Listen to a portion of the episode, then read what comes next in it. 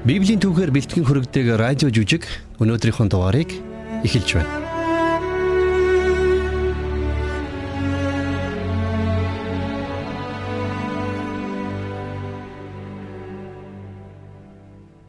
Өнөөдөр бид нэр харанхуй шүнж итгэл найдвараар дүүрэн цоврал жүжигийнхээ хүрээнд за Библийн Лук номын 5 дугаар бүлгийн 12-оос 16 дугаар ишлэлээс сэдвэлэн бүтээсэн Есүсийн өмнө өвдөг сүгдсэн уян өвчтэй ир гэдэг нэртэй жүжигийг хүлээн авч сонсох болно.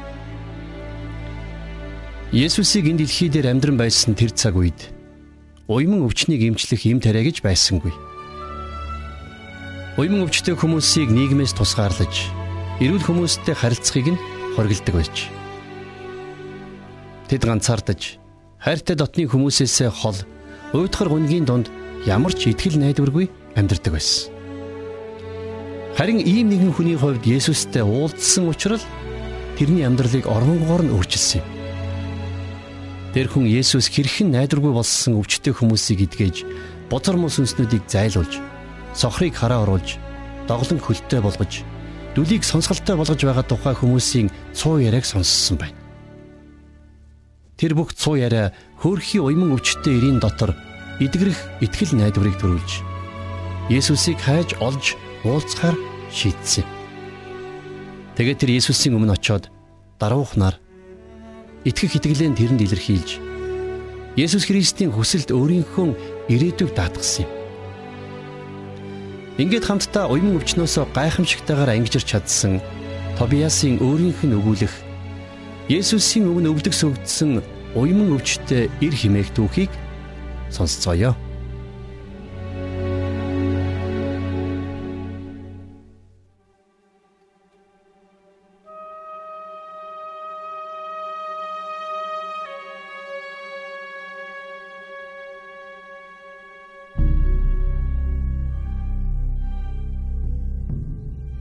Хажууд чинь хамт байхыг хинч хүсэхгүй байх үед ямар байдгийг та мэдэх үү? Хинч хизээж дахиж танд гар хүрхэхгүй бол Танд ямар санагдах вэ? Тантай хинч гар барихгүй. Хайртай дотны хүн чинь таныг хизээч тэрхэхгүйгээд бодоод үзтээ. Хүмүүс тань руу ойртон ирвэл урдаас нь өөрийгөө бузартсан. Бузартсан гэж хашгирч хүмүүст анхааруулах ямар хэцүү байдгийг та магадгүй хизээч ойлгохгүй байх. Тантай санамсаргүй харилцсан хүмүүс өөрсдийгөө бузраас ариусгах гэж тусгай зан үйл үлдэх танд ямар санагдах вэ? Би яг л ийм амьдралаар олон жил амьдарсан. Миний биед уйман өвчний шинж илэрсэн даруйд би төрсэн гэрээсээ явах ёстой болсон. Би хайртай гэр бүл, найз нөхдөд орхисон. Би мөрөглийн үйл ажиллагаанд оролцох хэрэггүй болж бодорцсон хүн тооцогдох болсон. Хамгийн аимшигтай нь миний энэ өвчнөд эдгэрэх найдлага байхгүй. Надтай адилхан өвчнөөр зовж хяналтсан хүмүүс л миний дэргэд надтай хамт байх боломжтой байдаг.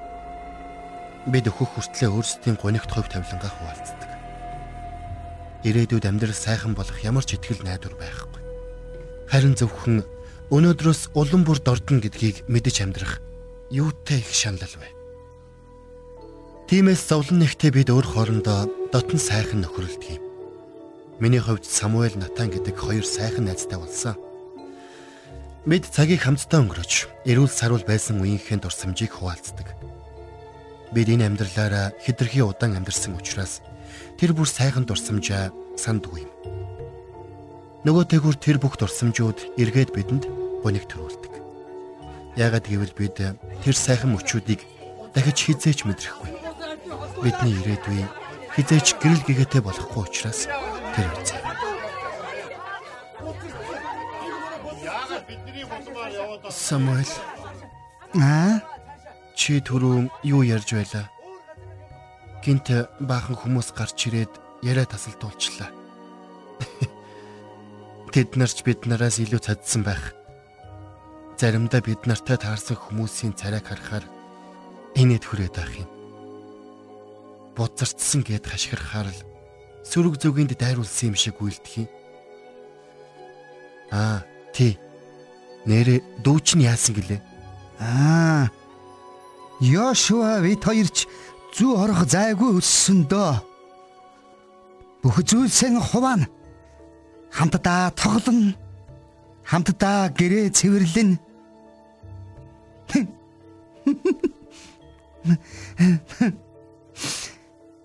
Аав ээжийнхээ уурыг мөнчих бардаг байж тээ бид хоёр. Аа. Хөөе, Ната. Чамд ах トゥ байдаг үлээ? Аа. Ах トゥ байдгүй гинэ. Би ч нэг эцэг ихээсээ 12 улаа. 12 оо. 12. 11 хүү. Нэг охин. Байнга л бужигнж байдагсан. Яаж эцэг их хоёр маань галзуурчдаг байсан юм бүү мэд. Нэг нь гайгүй болохоор л нөгөөх нь хэрэг тарьчихдаг байж билээ. Нэг нь өвдөхөөр бүгд дагаж өвдөөд л. Би ч н ах トゥ долуулаа. Их л олуулаа өссөн гэж боддог байлаа. Гэтэл чи чинь бүр 12 лаа гэхээр бас л олон bay шүү. Тийм шүү. Тийм олуулаа өсөхөрч сайхан дурсамжаар дүүрэн байдаг байх та. Бодоод байх нэ. Баг нас маань тэр чигээрээ л сайхан дурсамж юм та. Хамгийн сайхан нь гэвэл миний охин дүү төрсөн явдал юм уу та? Аав ээж хоёр маань 11 хүүгийн араас ганц сайхан охинтой болоод мөн ч их баярлсан та. Ялангуяа ээж маань их баярлж үлээ. Тэр олон хар юмнуудын дунд их ганцаарддаг байсан байлгүй те зайлвал. Үгүй ээ. Тийм олон сайхан хүүгээрээ харин ч бахархдаг байсан байлгүй дээ. Айл хөршүүд чинь жам сайтай байсан биз? Тэглгүй яах вэ? Бид ч хөршүүдтэй их тусалдаг байлаа. Охин дүү Ребекагаа хүрээд ирэхээр л бид хоорондоо муудалцчихдаг байж үлээ. Яста хөөхөн хөхд байсан та. Бид нар дүүгийн тэрвэрх гэж булаацалтаад л. Охин дүүдээ амьшиг хайртай байж үлээ. Охин дүүгээ харалгүй хэр удсан юм бэ? 6 жил. Уртын урт. 6 жил. Намайг гэрээсээ явхад дүү маань 14 настай байсан. Одоо дүү маань гэр бүлтэй болоод хөөхөн охинтой болсон. Ната минь. Чи нэг л өдөр дүү нартайгаа уулзнаа. Сэтгэлийн дэм өгсөнд баярлалаа Тобиас. Зүгээр дээ. Гэхдээ тийм зүйл болохгүй гэдгийг чи мэдж байгаа шүү дээ. Самуэлийн дүү Йошуагийн биеийн муудаад үхэх шахахад яалаад. Самуэль ганц дүүгийнхээ биеийн муу байгааг хэдэн 7 хоног мдээгүй байсан шүү дээ. Тэгж байгаад сарамсаргүй мэдчихээгүй юу? Би ч бүх зүйл дууссаны дараа мэдсэн бол дээр байсан юм да. Дүүгээ өхлүүд байгааг мэдээд би ч яах вэ? Хэн ч намайг ойртуулахгүй. Тэгээд ч дүүдээ халтур тараахаас би айж вис. Аз болоход дүү маань эдгэрч эрүүл сарвал болсон доо. Тийм дээ Самуэль. Гэхдээ миний охин дүү ингэж өвдсөн бол би лав тисэхгүй. Охин дүүгээ алсаас ч болов харахын тулд юугаач өгөхөс боцохгүй.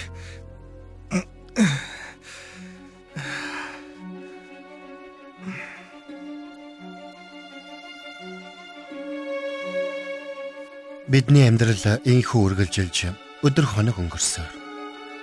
Ямар ч өөрчлөлтгүй, ямар ч харилцаагүй, ямар ч найдваргүй.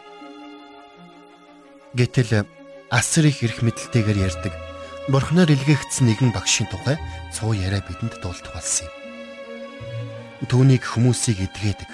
Ямар ч өвчин байсан тэр дорой гайхамшигтайгаар эдгэрдэг гэлцэж байв. Сүмийн зэрэгтэн шашны тэргүүнүүд түүнийг үзэн ядаж Харин Галилийн эргийн ард иргэд түүний яриаг сонсож гайхамшиг үйлдэхийг харахаар үргэлж даган явдаг гин. Есүсийн тухай сонсох тусам миний дотор итгэл найдвар төрөх боллоо. Биднийг хамгийн сайн мэддэг хүмүүс бидэнд хамгийн ихээр эргэлздэг гэдгийг та мэдэх үү? Есүсийг төрсөн хот Назартай ирэхэд нь яг тийм зүйл тохиолдсон юм. Сабат өдөр түүнийг синагогт очиход нь хин нэгэн түүнд иш үзүүлэгч Исаягийн хуйлмал номыг өгчээ. Над дээр эзний сүнс байна. Учир нь ядууст сайн мэдээг хүргэхийн тулд намайг эзэн тосолсон юм. Тэр намайг илгээсэн нь олзлогдогсдод эрх чөлөөг тунхаглах сохруудад хараа оруулах, дарамтад байгстыг чөлөөлөхийн сацуу эзний тааламжит жилийг тунхаглахын тулд болоо. Энэхүү бичвэр өнөөдөр сонсголтод нь биеллээ. Эмчээ өөрийгөө ангаа гэх зүрлэлийг та нар надад хэлж Капернаумд үйлдсэн гэж бидэнд сонсогдсон бүхнээ энд төрлөх хоттоо бас үйлдээч гэх байх л да. Үннээр би та нарт хэлье. Нэгч иш үзүүлэгч төрлөх хоттоо хүндлэгддэггүй. Харин би та нарт үннээр хэлье. Элиягийн өдрүүдэд 3 жил 6 сарын турш тэнгэр хаагадан бүх газар их өлсгөлэн болох үед Израильд бэлэвсэн эмгтээчүүд олон байсан. Гэсэн хэдий ч Элия тэдний хиндэнч бос зөвхөн Сидон нутгийн Зарифатын нэгэн бэлвсэн эмэгтэйнд илгээгдэжээ. Мөн иш үзүүлэгч Элишагийн үед Израильд уйман өвчтэй байсан олон хүнээс нэгэн ч цэвэршээгүй батал зөвхөн Сирийн нааман гихч цэвэршжээ. Энэ үгийг сонссон хүмүүс Есүс дуурлан хэлгэнж түүнийг хотоосоо хөөн гаргажээ. Тэгээд тэд Есүсийг хавцал дээрээс түлхэн унгахаар завдсан боловч Есүс тэдний дундуур алхан гарч цааш явж одлоо. Тэгээд Есүс Капернаумын синагогт Бурхны үгийг зааж, эрх мэдэлтэй үгсээрээ олон хүмүүсийг гайхшруулсан юм. Тэр үед чөтгөр дэзэмдүүлсэн нэгэн хүн Есүсийг таниад хашгирч ихэлсэн юм. Хөөе, Назарын Есүсээ бид танд ямар хамаатай билээ? Та биднийг устгах харирв уу? таны хэн болохыг бурханы ариун нэгэн гэдгийг бид мэднэ. Дугуй. Түүнээс гар.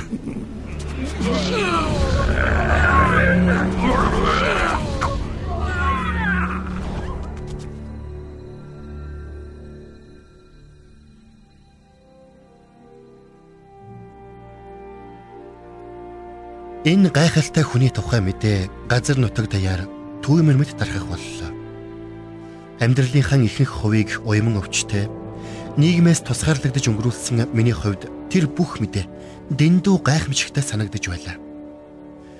Эдгэрч эрүүл болох ямар ч найдваргүй болсон миний хувьд энэ мэдээнд итгэхэд үнэхээр бэрх байсан юм.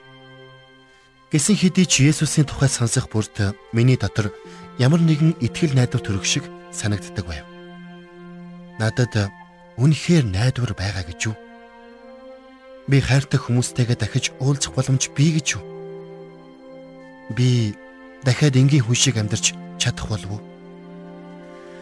Ингээд би Есүсийн тухай шин сонин мэдээ олж сонсох гэж байдгаараа тэмүүлэх боллоо. Есүсийн үг болон үйлдэл тэр чигээрээ Бурхны хүчээр дүүрэн мэд надад санагдана. Тэр эрэгтэй эмэгтэй баян ядуу өвчтэй зовлонтой ядуу сул дорой ялгаагүй бүх хүмүүст бие махбодын болон сүнслэг эдгэрлийг өгч байсан юм. Надад хэрэгтэй тэр хүн бол ганцхан Есүс гэдгийг би мэдэж байлаа.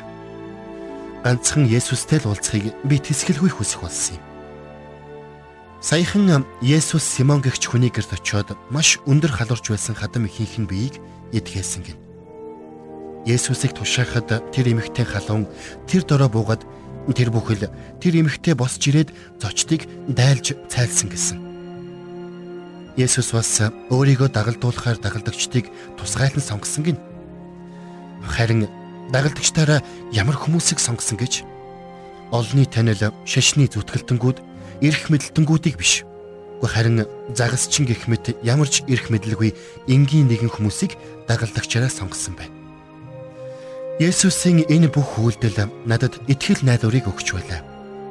Хэрвээ тэр энгийн нэгэн загасчин дагалдагчаараа сонгож байгаа бол тэр тусмаа сул дорой надад тусалж чадах биш үү?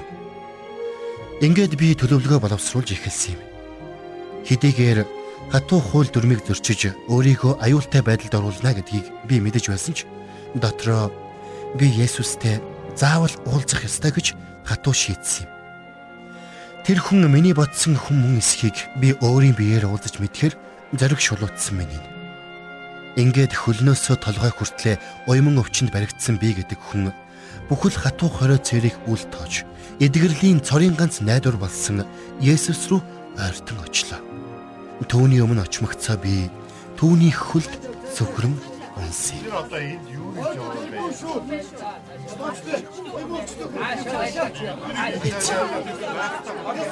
хүсвэл та хүсвэл намайг цэвэр болгож чадна шүү дээ.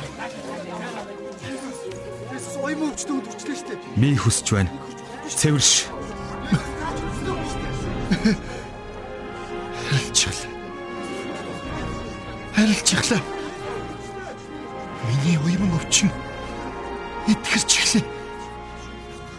Би итгэрчлээ. Би би зүгээр болсон байна.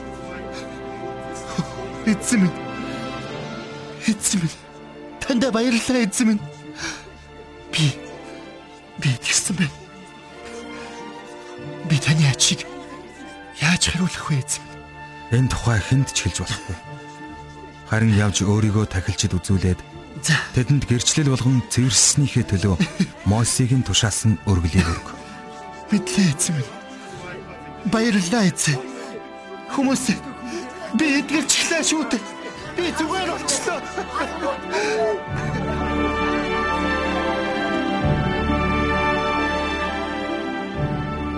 Есүсийн ганцхан үг. Түүний ганцхан хүрэлт намайг бүрэн эдгээсэн уйман өвчнөөс болж аимшигтай муухай болчихсон байсан миний арьс яг л нялх хүүхдийн шиг зөөлөн болж хавирсан. Есүс намайг ийхүү идгээгээд цаашаага Бурхны хайрыг дамжуулж бусдад түгээхэр явж одсон билээ.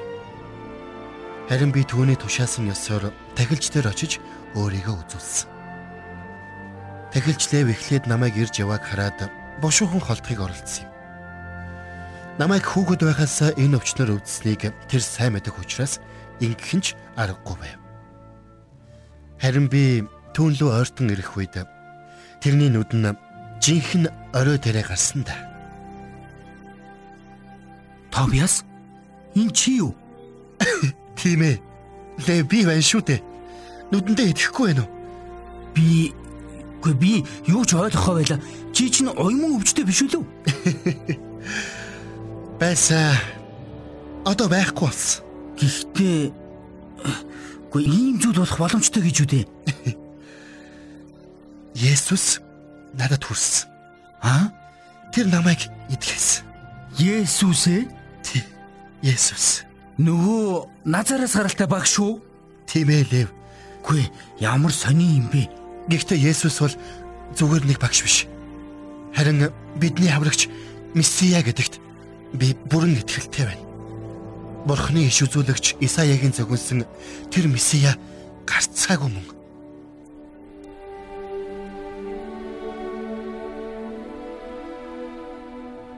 Би Есүсийн тушаасан ёсоор зохих тахлыг өргөсөн ч түүний нэг захиасыг биелүүлж чадаагүй юм. Болсон явдлыг би бусдад ярихгүй байж үнэхээр чадаагүй. Миний уйман өвчин гинтхэн л эдгэрчихсэн шүү дээ. Урд нь би явх хориотой байсан тэр газраараа явж олон жил уулзаагүй гэр бүлийнхэнтэйгээ уулзсан. Би бурхны хүндлэх мөргөлд оролцсон. Зах худалдааны газруудаар явж хуучин найл нөхөдтэйгөөж бас уулзсан. Эцсийн эцэст би дуугүй байсан ч байшингийн дээвэр дээрээс хашгирсан ч ямар ч ялгаагүй шүү дээ. Есүс намайг эдгэсэн. Тэр миний амьдралыг бүхлээр нь өөрчилсөн. Хүмүүс үүнийг билээхэн харж байсан. Тахилч үүнийг баталсан шүү дээ. Надад тохиолдсон энэ гайхамшигтай явдлыг хэн ч үгүйсгэж чадахгүй. Миний тухай энэ сайхан мэдээ надаас шалтгаалалгүйгээр газар сайгүй тархаж байсан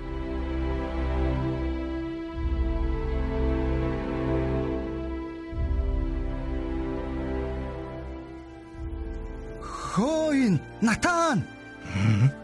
Чи Тобиасын тухай дуулав уу? Юу гинэ Самуэль? Чи Тобиасын тухай дуулав уу гэсэн юм аа? Тобиаса? Үгүй ээ. Тобиас яагав? Тэр эдгэрч гисэн байна. Аа? Уйман өвчин арилжчихсан байна. Үгүй элхүүдээ. Гэхдээ үнэн гэмдэ.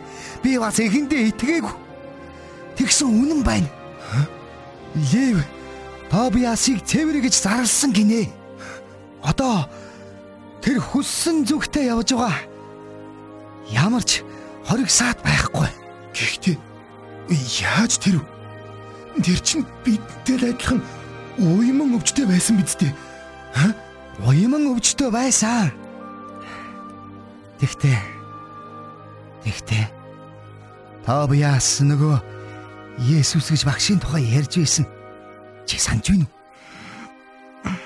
Тэр багшийн тухай хүмүүсийн ярьдаг үнэн болж таарлаа. Ха? Тобиас Есүсийг олоод хөлдөн согдөөд эдгэж өгөөч гэж гуйсан гинэ. Тэгээд Есүс түүнд хүрээд Хүрсэн гинэ? тийм ээ. Хүрсэн. Есүс Тобиаст хүрээд тэгэл уйман өвчин эдгэрч гисэн гин. Одоо хоёулаа бошуухан явж Есүсийг олж уулзъя. Тэг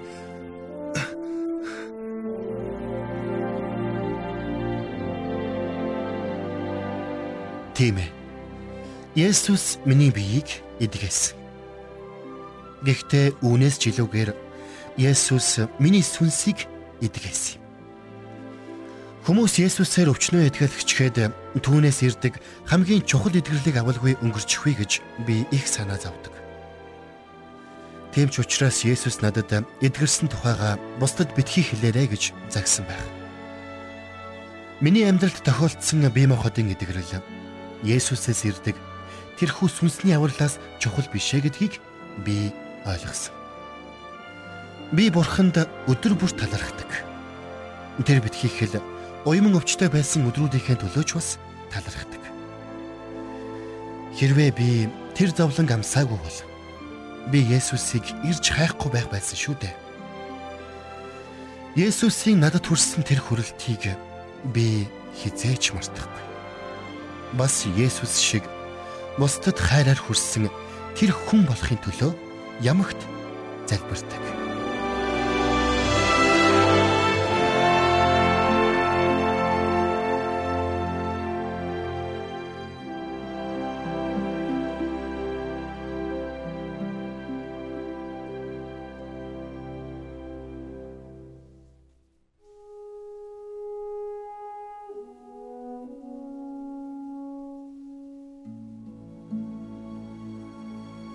Өнөөдөр бид уйман өвчнөд баригдсан байсан нэгэн хүний тухай үзлээ. Тэр хүн яаж шичээгээд тэр аимшигтай өвчнөөсөө ангижрах боломжгүй байсан. За яг энэнтэй адилхан бид ч гэсэн гим нүгэлд хучигдсан байдаг. Бид өөрсдийнхөө хүчээр энэ гим нүглээс ангижрах ямар ч боломжгүй. Бид ямар ч сайн үйлс, ямар ч буян үйлдэлд бурхантай эвлэрэх боломжгүй юм. За чухамдаа тийм л учраас Есүс та бидний хийж чадахгүй хийхийн тулд энэ дэлхий дээр ирсэн. Тэр бидний өмнөөс амиа өгсөн. Бидний гим нүглийн шийтгэлийг төлж бидний уучлалын төлөө золиос болсон юм. Библиэлд Еврейн 9:22 дугаар ишлэлдэр цус урсахгүйгээр уучлал өгөө гэж хэлсэн байдаг. Библиэлд гардаг Авраамийн түүх та биднэрт Есүсийн тухай зураглалыг зүйрлэн үзүүлсэн байдаг. Авраам өөрийнхөө төрсөн ганц хүүг өргөх гэж байхад Бурхан тэрнийг тахил дээр хуцаар хангаж өгдөг шиг Бурхан бидэнд авралын хургийг хангаж өгсөн юм. Иохан Баптист нэгэн удаа Есүсийг хараад харахтун ертөнцийн нүглийг үүрэгч Бурхны хург ирж явна гэж хэлсэн байдаг. Тэгэхээр Есүс бол бидний гим нүглийн төлөө өргөгдөх Бурхны тэрхүү тахилын хург байж.